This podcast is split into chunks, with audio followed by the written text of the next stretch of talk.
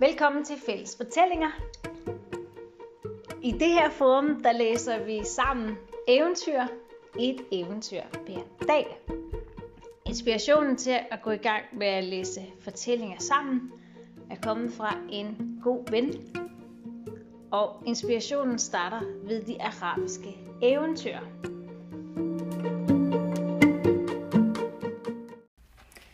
Velkommen til Fælles Fortællinger. I dag er vi nået til Sinbad Søfarens tredje rejse. Nu skal du høre. Lyt til den historie, jeg nu vil fortælle, for den er endnu mere forunderlig end de historier, jeg hidtil har fortalt. Som jeg allerede har fortalt, var jeg særdeles glad og let om hjertet, da jeg var vendt hjem fra den anden rejse. Lykkelig over at være i god behold og over alle de penge, jeg havde tjent. Jeg blev i byen Bagdad et stykke tid og levede i fryd og glæde, sovløs og tilfreds. Men så fik jeg igen lyst til at rejse ud og se mig om, og jeg længtes efter at drive handel og tjene penge. Jeg forlod Bagdad med mine varer og rejste til byen Basra. Her fik jeg nede ved havet øje på et stort skib med mange købmænd og rejsende. Pæne folk, gode og venlige mennesker, fromme, behagelige og retsindige. Jeg gik ombord på dette skib sammen med dem, og vi sejlede fra hav til hav, fra ø til ø og fra by til by. Vi kiggede os omkring alle de steder, vi kom forbi, købte og solgte og var yderst glade og tilfredse. Men så en dag, da vi sejlede på det oprørte hav, begyndte kaptajnen at slå sig i ansigtet. Han gav befaling til at ræbe skibet sejl og kaste anker, og så rev han sig i skægget, flændede sit tøj og udstødte et højt skrig. Hvad er der i vejen, kaptajn? spurgte vi. Gode rejsende, sagde han. Måtte vi slippe fra dette i god behold, nu skal I høre. Vinden har overrumpet os, så vi driver hvileløs rundt på havet. Og nu har skæbnen til vores ulykke kastet ind mod abernes bjerg. Ingen har nogensinde kommet til dette sted og sluppet uskat derfra. Næppe havde kaptajnen sagt disse ord, før aberne var over os. De omringede skibet fra alle sider, og der var så mange af dem ombord og på land, at de lignede en græshoppesværm. Vi tog ikke slå nogen af dem ihjel, eller bare slå noget, eller lade nogen bort, for vi frygtede, at de så ville slå os ihjel. Disse aber er de hæstligste dyr, med sortfiltret hår, skrækindiane at se på. De har gule øjne og sorte fjes, og de er temmelig små. De klatrede op af ankerrebene, der holdt skibet, og flænsede dem med tænderne, så de fik bidt dem alle sammen over. Nu drev skibet for vinden, lagde sig til hvile mod deres bjerg og befandt sig i deres land. De tog alle fat i købmændene og rejsende og slæbte dem i land på øen. Og så tog de skibet med alt, hvad der var ombord, og sejlede deres vej. De efterlod os på øen, og skibet forsvandt ud af syne, uden at vi vidste, hvor aberne sejlede hen med Mens vi var på den ø, levede vi af bær, urter og frugter, og drak af de vandløb, der fandtes der. En dag opdagede vi midt på øen en bygning, der så beboet ud. Da vi kom nærmere, så vi, at det var en borg med prægtige tårne i hjørnerne og høje mure. Der var en port af ibenholdt med to fløje, og den stod åben.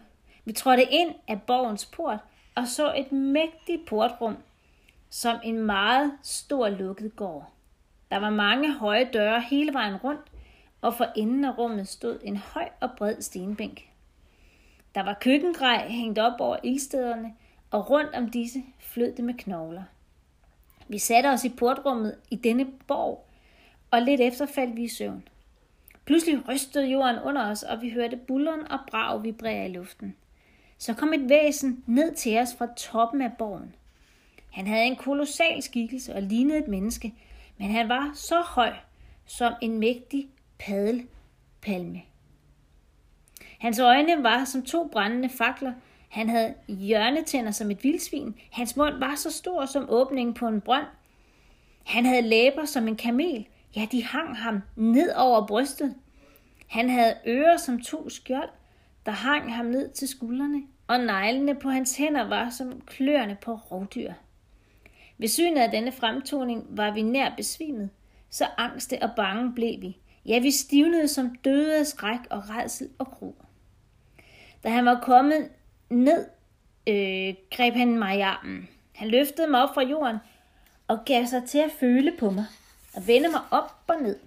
I hænderne på ham var jeg kun en lille bid. Han stak fingrene i siden på mig, som slagteren stikker fingrene i siden på et får, der skal slagtes. Men opdagede, at jeg var svag efter alle mine bekymringer og mager oven på alle rejsens strabasser. Så der var ikke noget sug på mig. Han lod mig falde ud af hånden og greb en anden af mine ledsager. Han vendte op og ned på ham, som han havde gjort med mig. Han stak fingeren i siden på ham, som han havde gjort med mig. Og til sidst slap han ham. Den ene efter den anden vendte han rundt og befølte overalt, indtil han kom til kaptajnen på det skib, vi var kommet med. Han var en stor og tyk, bredskuldret mand, og ham var kæmpen tilfreds med. Kæmpen kastede kaptajnen til jorden, satte foden på hans nakke og brækkede den. Så lagde han kaptajnen til rette over gløderne, til han var gennemstegt, og så spiste han ham med fingrene. De knogler, der var tilbage, kastede han til side. Da kæmpen havde siddet lidt, faldt han i søvn på stenbænken. Han sov uafbrudt til næste morgen. Så stod han op og gik sin vej. Da vi var helt sikre på, at han var væk, begyndte vi at tale sammen og græde. Gid, vi var druknet i havet, eller aberne havde et os, sagde vi til hinanden. Det havde været bedre end at bestigte over gløderne. Vi havde ingen mulighed for at slippe bort fra dette sted. Vi rejste os og gik ud på øen for at se, om vi kunne finde et sted at skjule os, men vi fandt ikke noget sted. Og vi var så bange, at vi vendte tilbage til borgen. Da vi havde siddet lidt der, begyndte jorden at ryste under os, og kæmpen var tilbage. Han vendte og drejede den ene af os efter den anden, ligesom han havde gjort første gang, og stak fingeren i siden på os. Da en af os faldt i hans smag, greb han fat i ham og stigte ham og åd ham. Så faldt kæmpen i søvn, og da dagen brød frem, stod han op, gik sin vej og forlod os. En af os sagde, hør her, hvad jeg foreslår. Vi må finde på en list imod ham og slå ham ihjel, så vi bliver frie for at bekymre os om ham. Hør, sagde jeg nu, hvis vi bliver nødt til at slå ham ihjel, må vi først få noget af tømmeret og brændet ud herfra, og lave en tømmerflåde, vi kan sejle på. Bagefter finder vi på list en måde at slå ham ihjel, går ombord på flåden og driver derhen, hvor Gud vil. Eller vi bliver her indtil et skib kommer forbi, som vi vil tage ombord. Hvis vi ikke kan slå ham ihjel, må vi gå ombord og sejle ud på havet. Hvis vi drukner, slipper vi i hvert fald for at blive stigt over ilden, efter at være blevet slagtet som dyr. Vi begyndte straks at sætte planen i værk. Vi slæbte tømmer ud af borgen og lavede en tømmerflåde, som vi fortøjede ved havets bred. Til sidst bragte vi lidt proviant ombord, og så vendte vi tilbage til borgen. Så snart mørket faldt på, begyndte jorden at ryste under os. Og den store var over os som en rovgrisk hund. Han vendte og drejede os en efter en og stak os i siden. Så valgte han en af os, åd ham, lagde ham til at sove på stenbænken og snorkede, så det tordnede. Vi gik hen og tog to af kæmpens jernspyd og lagde dem ind i den brændende ild. Da de var rødglødende som lune kul, tog vi dem i et fast greb og bar dem hen til kæmpen. Vi holdt spidene mod hans øjne og pressede med al vores viljestyrke imod dem, så de trængte ind i hans øjne, og øjnene blev ødelagt. Han udstødte et mægtigt brøl, sprang op fra stenbænken og begyndte ihærdigt at lede efter os.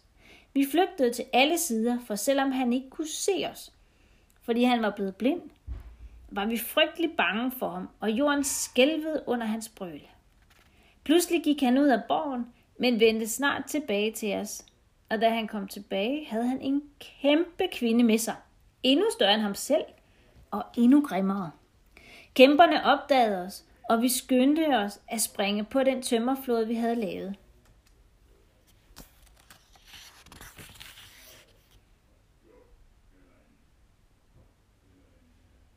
Så snart vi var kommet ombord, stødte vi fra og drev ud i havet, men kæmperne kylede to mægtige klippeblokke efter os, så de fleste af os omkom.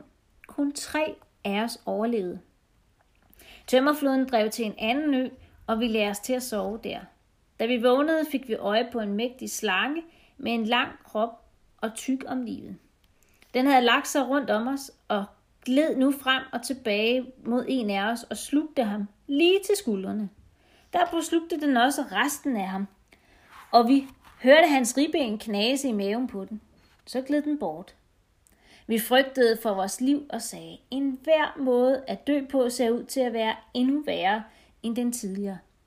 Vi er undsluppet kæmpen, og vi er undsluppet druknedøden.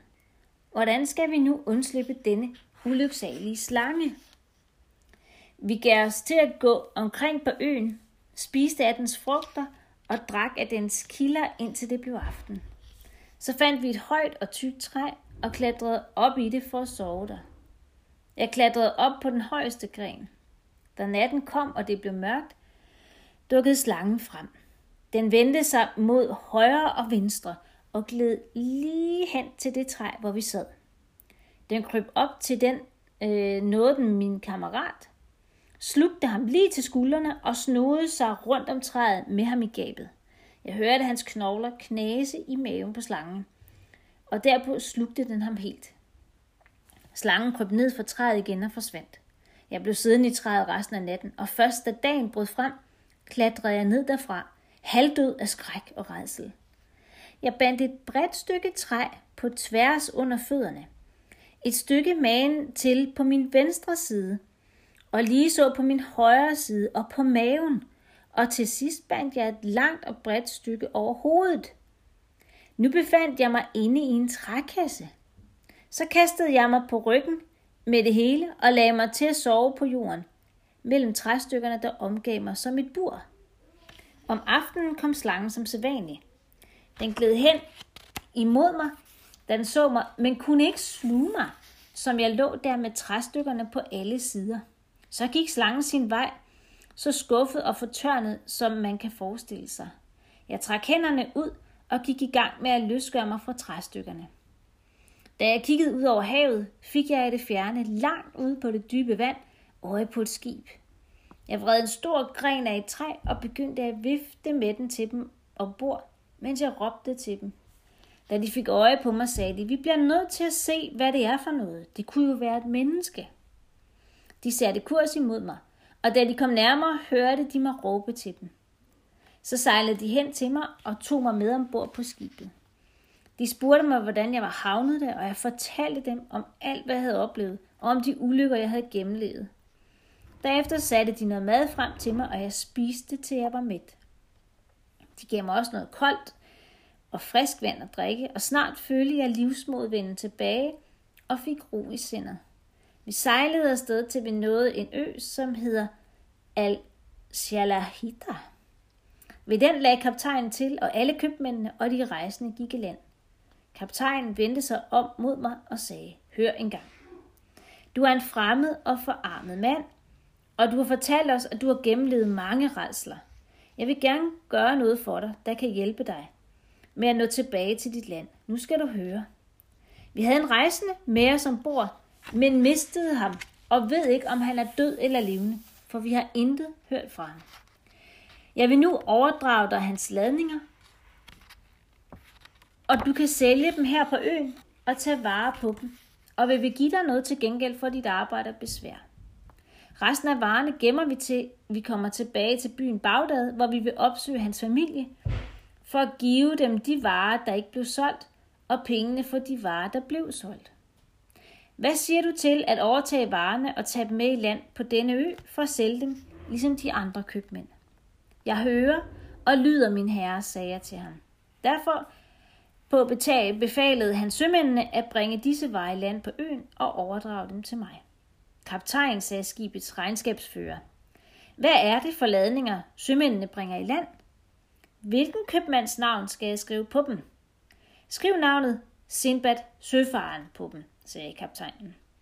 Det er ham, der var ombord hos os, men som faldt i havet ved øen, og som vi siden ikke har hørt noget til. Vi vil nu lade den fremmede her sælge varerne og tage imod pengene for dem.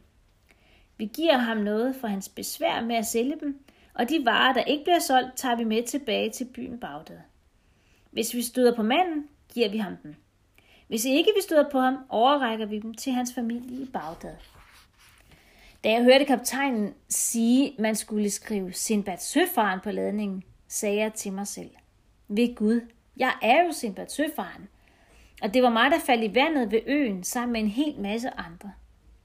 Så trådte jeg hen til kaptajnen og spurgte, min herre, ved du ellers noget om ejeren af de ladninger, du har overdraget mig til at sælge? Jeg ved intet andet om ham, end han var fra byen Bagdad og hed Sindbad Søfaren, sagde kaptajnen.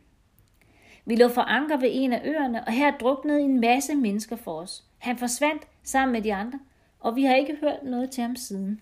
Jeg råbte, nu skal du høre. Jeg er Sinbad Søfaren, og jeg druknede ikke. Dengang du kastede anker ved øen, og købmændene og de rejsende gik i land, gik jeg i land. Jeg havde lidt mad med, som jeg spiste et sted på øen, og jeg nød sådan at sidde der og blive søvnig og døset hen. Snart var jeg faldet i dyb søvn. Da jeg vågnede, var skibet væk, og jeg kunne ikke finde nogen af jer.